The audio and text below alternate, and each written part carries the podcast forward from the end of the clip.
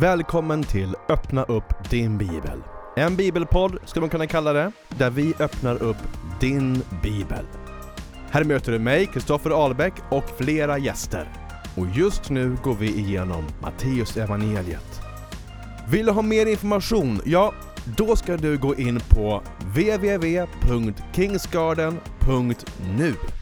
Och vet du vad? Du kan även se och följa med detta på Facebook och på Youtube. Vet ni vad? Nu kör vi!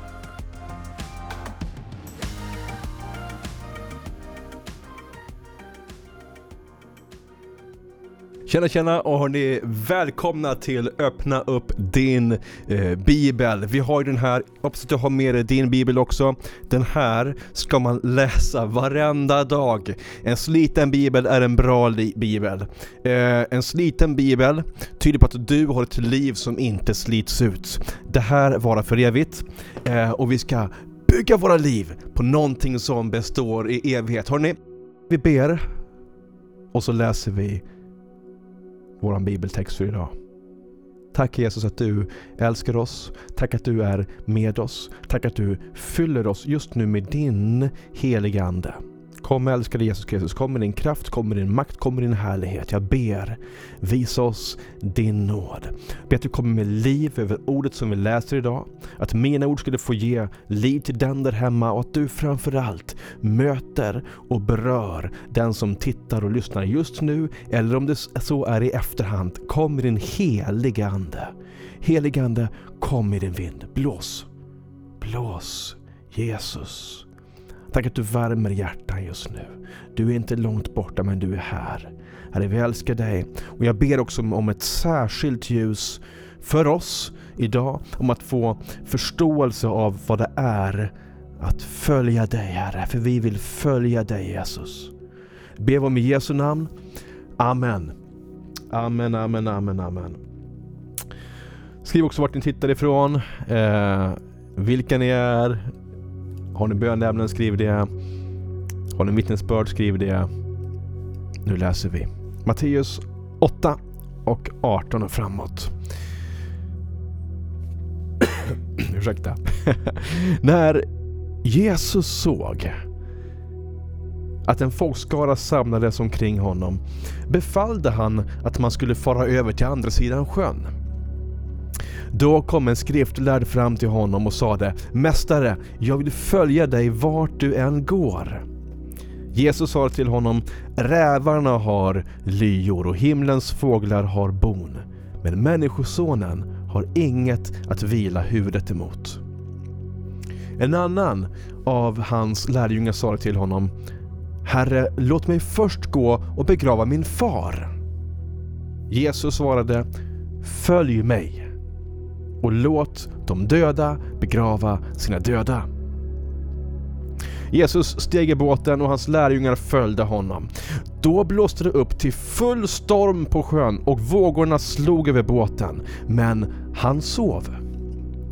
De gick då fram och väckte honom och sade Herre, hjälp! Vi går under! Han sade Varför är ni rädda? Så lite tro ni har. Sedan reste han sig och talade strängt till vindarna och sjön och det blev alldeles lugnt. Männen häpnade och sade Vem är han? Till och med vindarna och sjön lyder honom. Amen. Så lyder Herrens ord. Till och med så här, så lyder det heliga, heliga evangeliet. Lovad vare du Kristus. Tack älskade Jesus. Hörni, det här är en jättespännande bibeltext. Det är så starka prylar. Och vi har ju läst mycket nu. Vi har kommit in åtta kapitel. Det har varit bergspredikan, det har varit massa under och tecken. Han har sagt omvänd er och tro evangelium.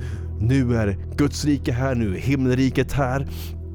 Och det börjar bli så att ryktet som det var till och med från början som vi läste, det har spridits eh, ut över stora, stora områden och fler och fler börjar vilja följa Jesus.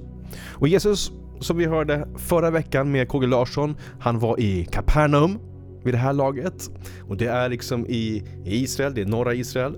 Men nu så vill han dra över andra sidan sjön, alltså Galileiska sjön. Och många vill följa Jesus. Men det visar sig också här att många har inte förstått vad det innebär att följa Jesus. Min vän, har du förstått vad det innebär att följa Jesus? Och det belyses nu i den här texten, okej? Okay? Och när vi läser den här texten nu va, två stycken, så var det tre tillfällen Märkte du det? Det var tre tillfällen där det här med att följa Jesus belystes. Först var det två stycken möten. Eh, en skriftlärd kommer fram till honom och säger Mästare, jag vill följa dig vart du än går. En skriftlärd alltså, en av de högre människorna i, så tyckte de själva i alla fall, i eh, Israel. Skriftlärd, kunde Bibeln, kunde Guds ord, kunde Toran och Tanak. Så en av dem ville följa Jesus, men hade inte helt förstått. Sen kom en annan av hans lärjungar eh, och det är då förmodligen inte hans tolv apostlar, utan det fanns ju många som också kallas för lärjungar. Det finns en inre krets som var de tolv och sen fanns det en yttre krets som var 120 och kanske också till och med att det var ännu fler. Det är lite olika benämningar men det var många som följde Jesus troget, lyssnade på honom. Så här kommer person nummer två och säger Herre, Äh, som, som vill följa honom men ger ett krav. Jag måste göra det här och det här först. Och tredje tillfället om, om, om lärjungaskap, om att följa Jesus, det är egentligen vid båten där inte det är så här, hur är det att följa Jesus, men det är lite grann konsekvensen. Varför är ni rädda? Så lite tro ni har. Och sen så löser Jesus problemet. Så någonting av vad det innebär att följa Jesus. Okej, okay? tre saker. Tre tillfällen. Sådär, okej. Okay. Vi tar det i tur och ordning här.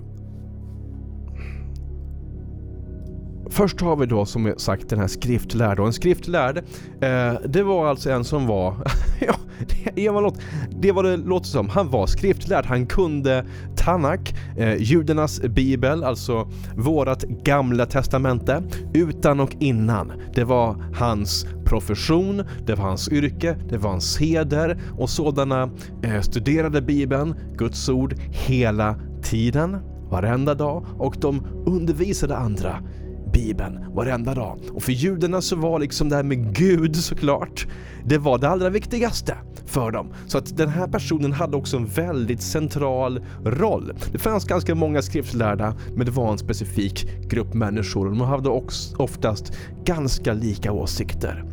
De, många ville ju ta koll på Jesus, de gillar inte Jesus. Men inte alla.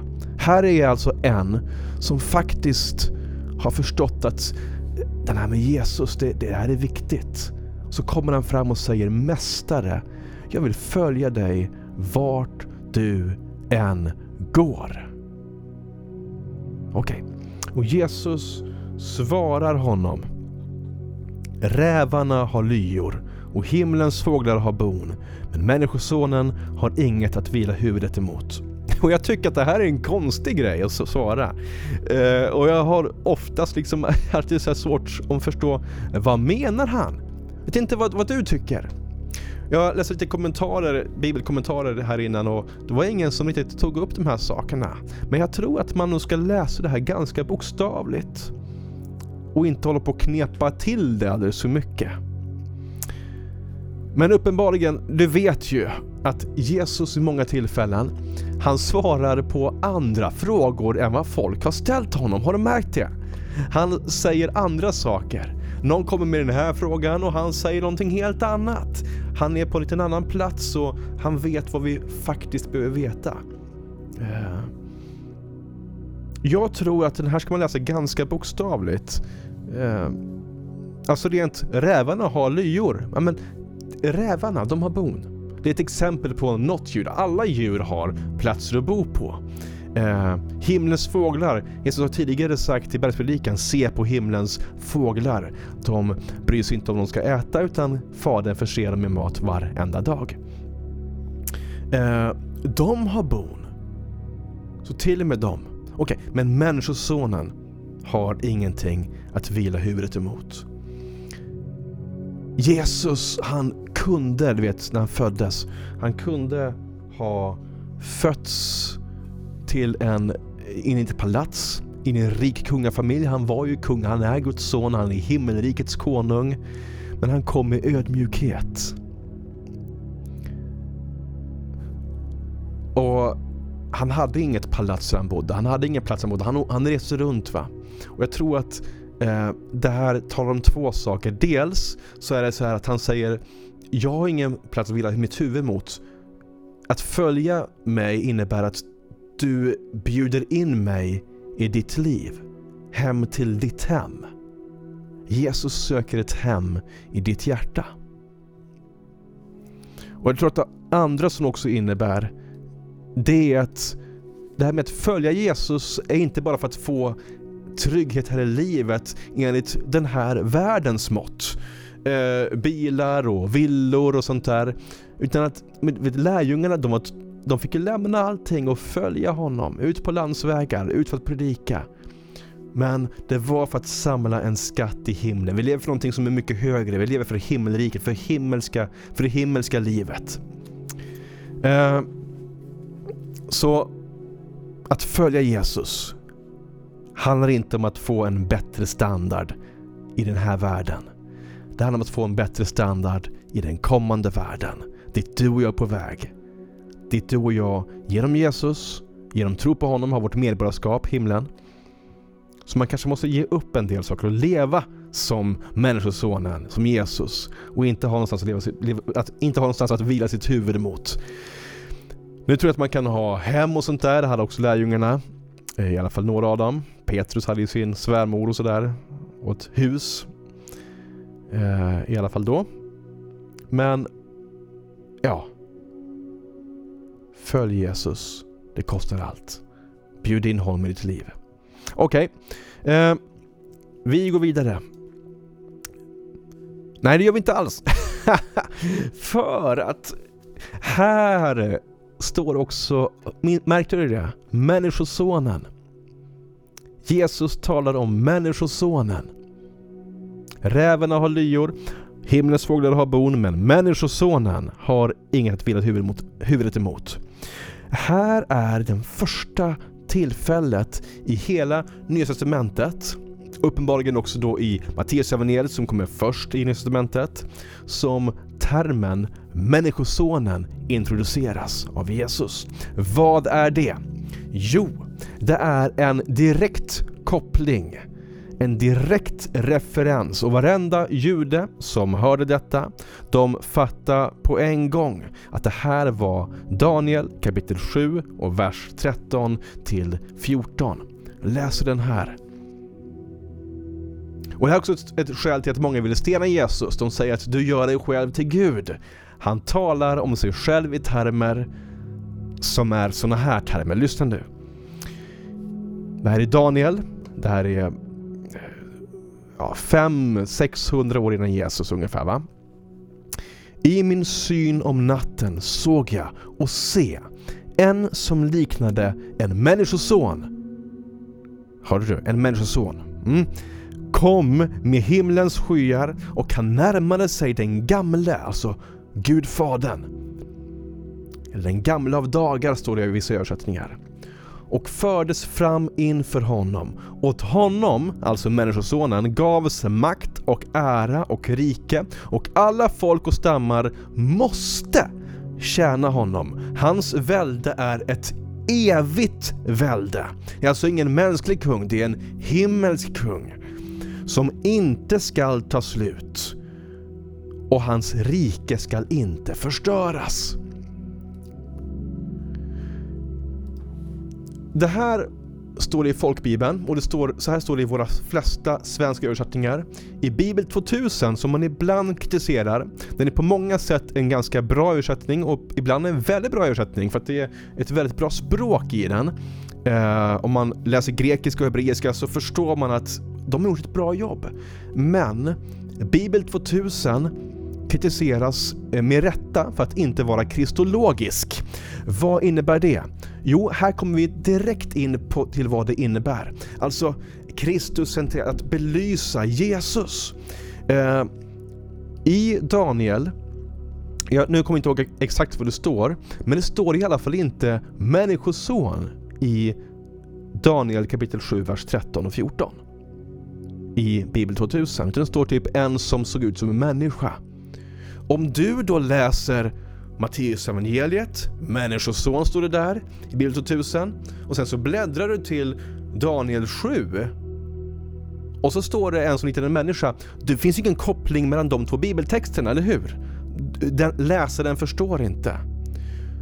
Så här är ett sätt att belysa, genom att man väljer då i till exempel folkbibeln och många andra översättningar, så väljer man att översätta även i Daniel då med människoson. Så att den som läser Daniel och den som läser Matteus evangeliet fattar att ah, vänta nu, det har jag läst någon gång tidigare, det är samma. Och det här handlar inte om att man eh, förstör Bibeln eller liksom övertolkar skriften. Utan det här är vad som står. För judar på den här tiden, läser du hebreiskan, läser du grekiskan så är det exakt samma och därför är det bättre att man översätter med samma så att även vi idag, här i Sverige, förstår det som en jude förstod. Så Bibel 2000, där står det typ en som liknar en människa. Men det borde stå en människoson. För det är det vad det står egentligen. Det är vad det handlar om. Och det som Jesus talar om. En direkt referens. Människosonen. Okej, okay, så det var första gången som det introduceras. Viktigt att veta. Och också ett av de tillfällen, om du någonsin hör någon som säger Nej men Jesus säger inte att han är Gud. Nej, han säger inte Hej hej, jag är Gud.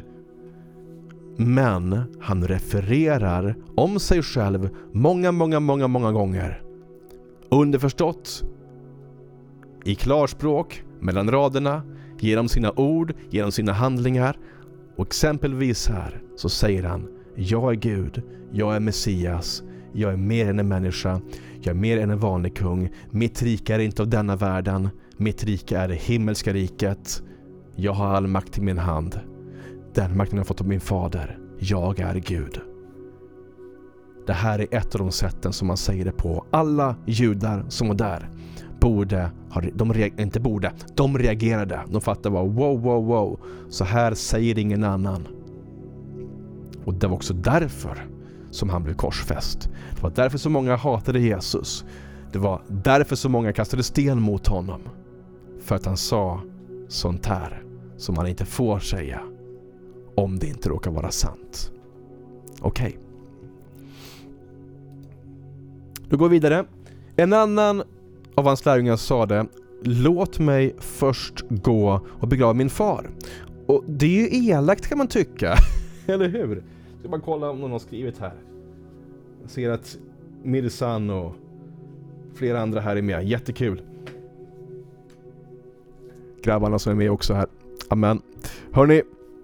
Eh, är det taskigt av Jesus att inte låta den här killen begrava sin far? det kan man tycka. Eh, vet du vad? Det här talar om ett par olika saker som är viktiga. Eh, för det första ska man kanske veta att eh, det är en plikt att begrava andra. Och framförallt så eh, tio Guds bud, du ska hedra din fader och din moder. Eh, och, och, Jesus själv, han går ju till en grav. Lazarus grav, hans väns grav. Så att Jesus är ju inte emot det här med att man hedrar döda, liksom att man begraver människor. Men jag tror du talar om två saker här va? För det första är att följa Jesus är så otroligt mycket viktigare. Och det är det allra viktigaste. Alltså hade vi förstått vem Jesus är, han är helig, han är höghelig, han är Gud själv. Han har skapat hela den här världen. Hela världen är till genom honom. Om vi ser honom, hur ska man kunna säga Men du, jag måste fixa en grej först. Du, jag ska följa dig, jag måste knyta med en skosnören först. Handla mjölk eller till och med begrava sin far. Jätteviktigt. Men möter man Jesus så är det en sak som är viktigare.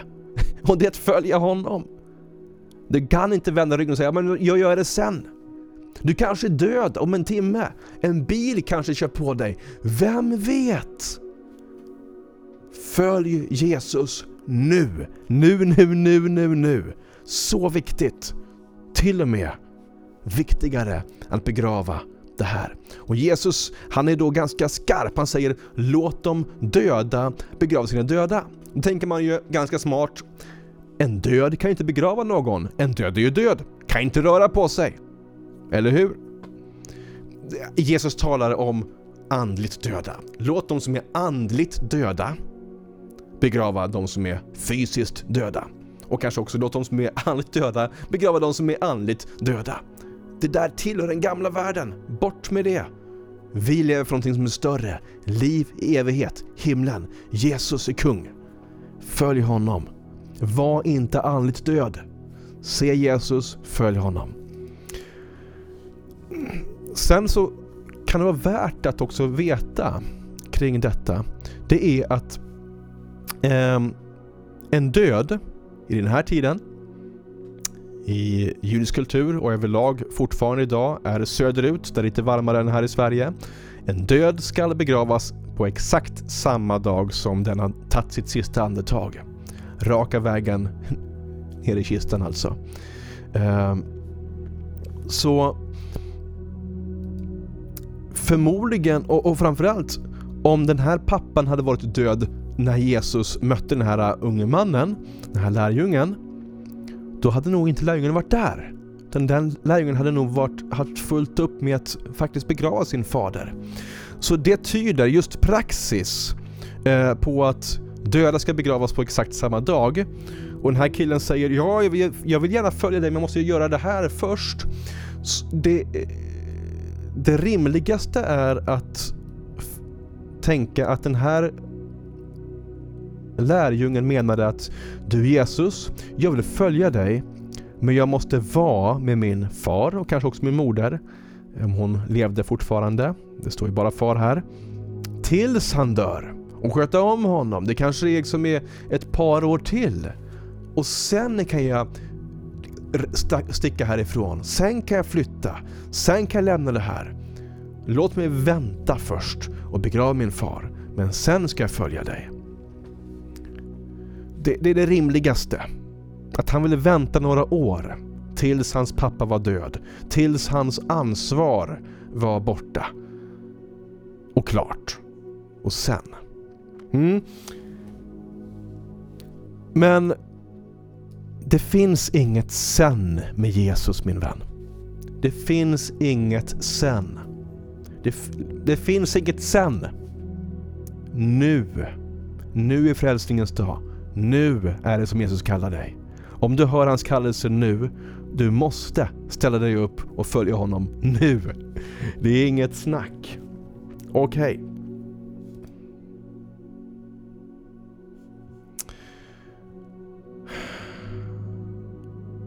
Den Galileiska sjön. Jesus stillar stormen. De åker alltså ut sen då. Över den Galileiska sjön. Det står inte här men det är den sjön det är för det finns bara den sjön där de var. Eh, det är en ganska liten sjö. Den är två mil lång och en mil bred. Eh, Kopplad till floden Jordan som går liksom öster om Israel. Ja, norr och sen så går floden ner till Döda havet som ligger söder om Israel. Men här uppe har du den Galileiska sjön. 21 kilometer bred, lång och 11 kilometer bred. Det största djupet är 50 meter, så det är en ganska grund sjö, men inte jättegrund såklart. Det är ändå ganska mycket, 50 meter. Eh, och den ligger belägen faktiskt 210 meter under havsytan. Alltså havet var högre upp, sen så var det en dal ner liksom. Och där nere låg den här sjön. Eh, och med att den också var ganska långt ner så gör det att det blir ganska lätt eh, hastiga stormar. Vind som liksom kommer ner för de här kullarna och så stormar upp. Så det kunde ganska ofta bli väldigt plötsliga stormar med vågor upp till 6-7 meter. Ganska högt alltså. Eh, så det var där. Och Jesus sover. Medan erfarna, de flesta av de här lärjungarna var ju fiskare. De blir förskräckta. Men Jesus sover, han har full frid. Varför kan han ha det? För att han vet någonting mer än dig och mig. Med den kunskapen vill han ge dig och mig också. Himlens frid. Himlens perspektiv. Evighetsperspektiv och att Gud har kontroll. Att han bär dig, att han inte lämnar dig och att han älskar dig. Frid. Ingenting ont kan hända dig. Okej? Okay? De väcker honom och säger Herre hjälp, vi går under. Och Jesus svarar Varför är ni rädda? Alltså, han har ingen förståelse för varför vi är rädda. Här, det är ett läge där man är rädd, okej? Okay? Det, det, man, man har egentligen rätt att vara rädd här va? När det är kanske då 6-7 meter vågor eh, i en liten båt. Det är okej okay att vara rädd, tycker jag. Men Jesus tycker inte det. Han frågar varför är ni rädda? Om du har varit i en tuff situation någon gång i livet. Han frågar varför är du rädd? Han är ju med dig, okej? Okay? Varför är du rädd? Och jag vill tala till dig som är rädd just nu, som har en, en tuff situation. Varför är du rädd? Och det säger inte jag för att, liksom, att håna eller för att liksom, se ner på ditt problem, utan det är för att jag vill lyfta dig till ett annat perspektiv. Till, eh, det är inte mitt perspektiv, men det är Jesus perspektiv. Det är så mycket större. Varför är du rädd? Tala med honom, be till honom. Han har full kontroll. Så lite tro ni har, säger Jesus. Och det här blir det sista som vi talar om nu. Eh, så lite tro ni har. Eh,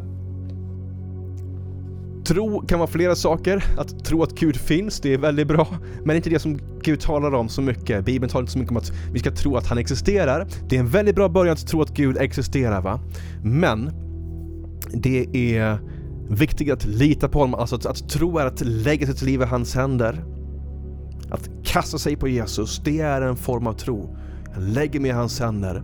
Men här talar Jesus också om en annan slags tro som det som jag talade om tidigare, ryggmärgstro. Din, alltså, i ryggmärgen har liksom, du har instinkter. Instinktiva reaktioner. Vad är din instinktiva tro? Vad är din instinktiva reaktion? Jesus sätter sig inte upp i båten och börjar hålla bibelstudium om Guds kraft, han börjar inte liksom filosofera med dem och hörni, jag gjorde lite under och tecken här i förrgår. Vad tror ni att jag skulle kunna göra nu? Han frågar inte efter deras intellektuella förstånd av vad de kan tro att Jesus kan och om de börjar fundera så här, ja Jesus, ja när du säger det så egentligen så borde du kunna styra upp det här problemet va, men ja, jag har inte sett det förut, men ja, när jag tänker på det så att ja visst, det är inte det han är ute efter. Jesus är ute efter din, din instinktiva reaktion. Instinktiv tro. Instinktivt liv med Jesus. Gud är alltid god. Gud är alltid med dig. Gud kan alltid. Han vill alltid hjälpa dig. Och han bär dig alltid. Du är inte ensam. Du är inte utelämnad. Och Jesus har makt, du behöver alltså inte vara rädd. Deras instinkt var att bli rädda. Men Jesus instinkt är att det är inga problem. Okej? Okay? Sen så reser han sig, talar strängt till vindarna och det blir alldeles lugnt. Det är tro. Instinktivt vet om vad Jesus kan. Himmelrikets naturlagar. Okej, okay, vi måste sluta där. Men kom till Jesus. Följ honom och börja se hur mäktig han är. Vi kommer ta lite tid för bön alldeles snart efteråt. Men jag vill utmana dig i din instinktiva tro. Tveka aldrig på Jesus makt. Tveka aldrig på hans härlighet. Tveka aldrig på hans godhet. Och låt dig inte bli instängd i den här världen. I den här världens begränsningar. I den här världens tillkortakommanden. I den här världens naturlagar och naturregler. Gud är så mycket större. Himmelriket är nu här. Genom tro så kan du tillhöra det. Himmelriket har helt andra naturlagar. Där bara en är kung, bara Jesus. Och du måste komma till honom. Du måste komma till honom. Och han vill och han kan totalt förvandla ditt liv. Säg inte på ditt liv utifrån mänskliga begränsningar, utifrån vårt tillkortakommande, utifrån våra liksom, regler och ramar. Jesus, han har skapat dig. Han håller världen i sin hand. Med ett ord som han stillar stormen är allting möjligt. Be en bön till honom. Se till honom. Se på ditt liv utifrån hans perspektiv. Var inte rädd. Ha inte lite tro, ha massor av tro. Räkna med Jesus. Ha en instinktiv ryggmärgstro. För när Jesus är med dig är allting möjligt. Allt som är hans vilja. Och vet om att han älskar dig. Du, Gud välsigne dig min vän. Vi ska ta bön här alldeles snart. Vi tar en kort paus. Vi ses sen. Hej då.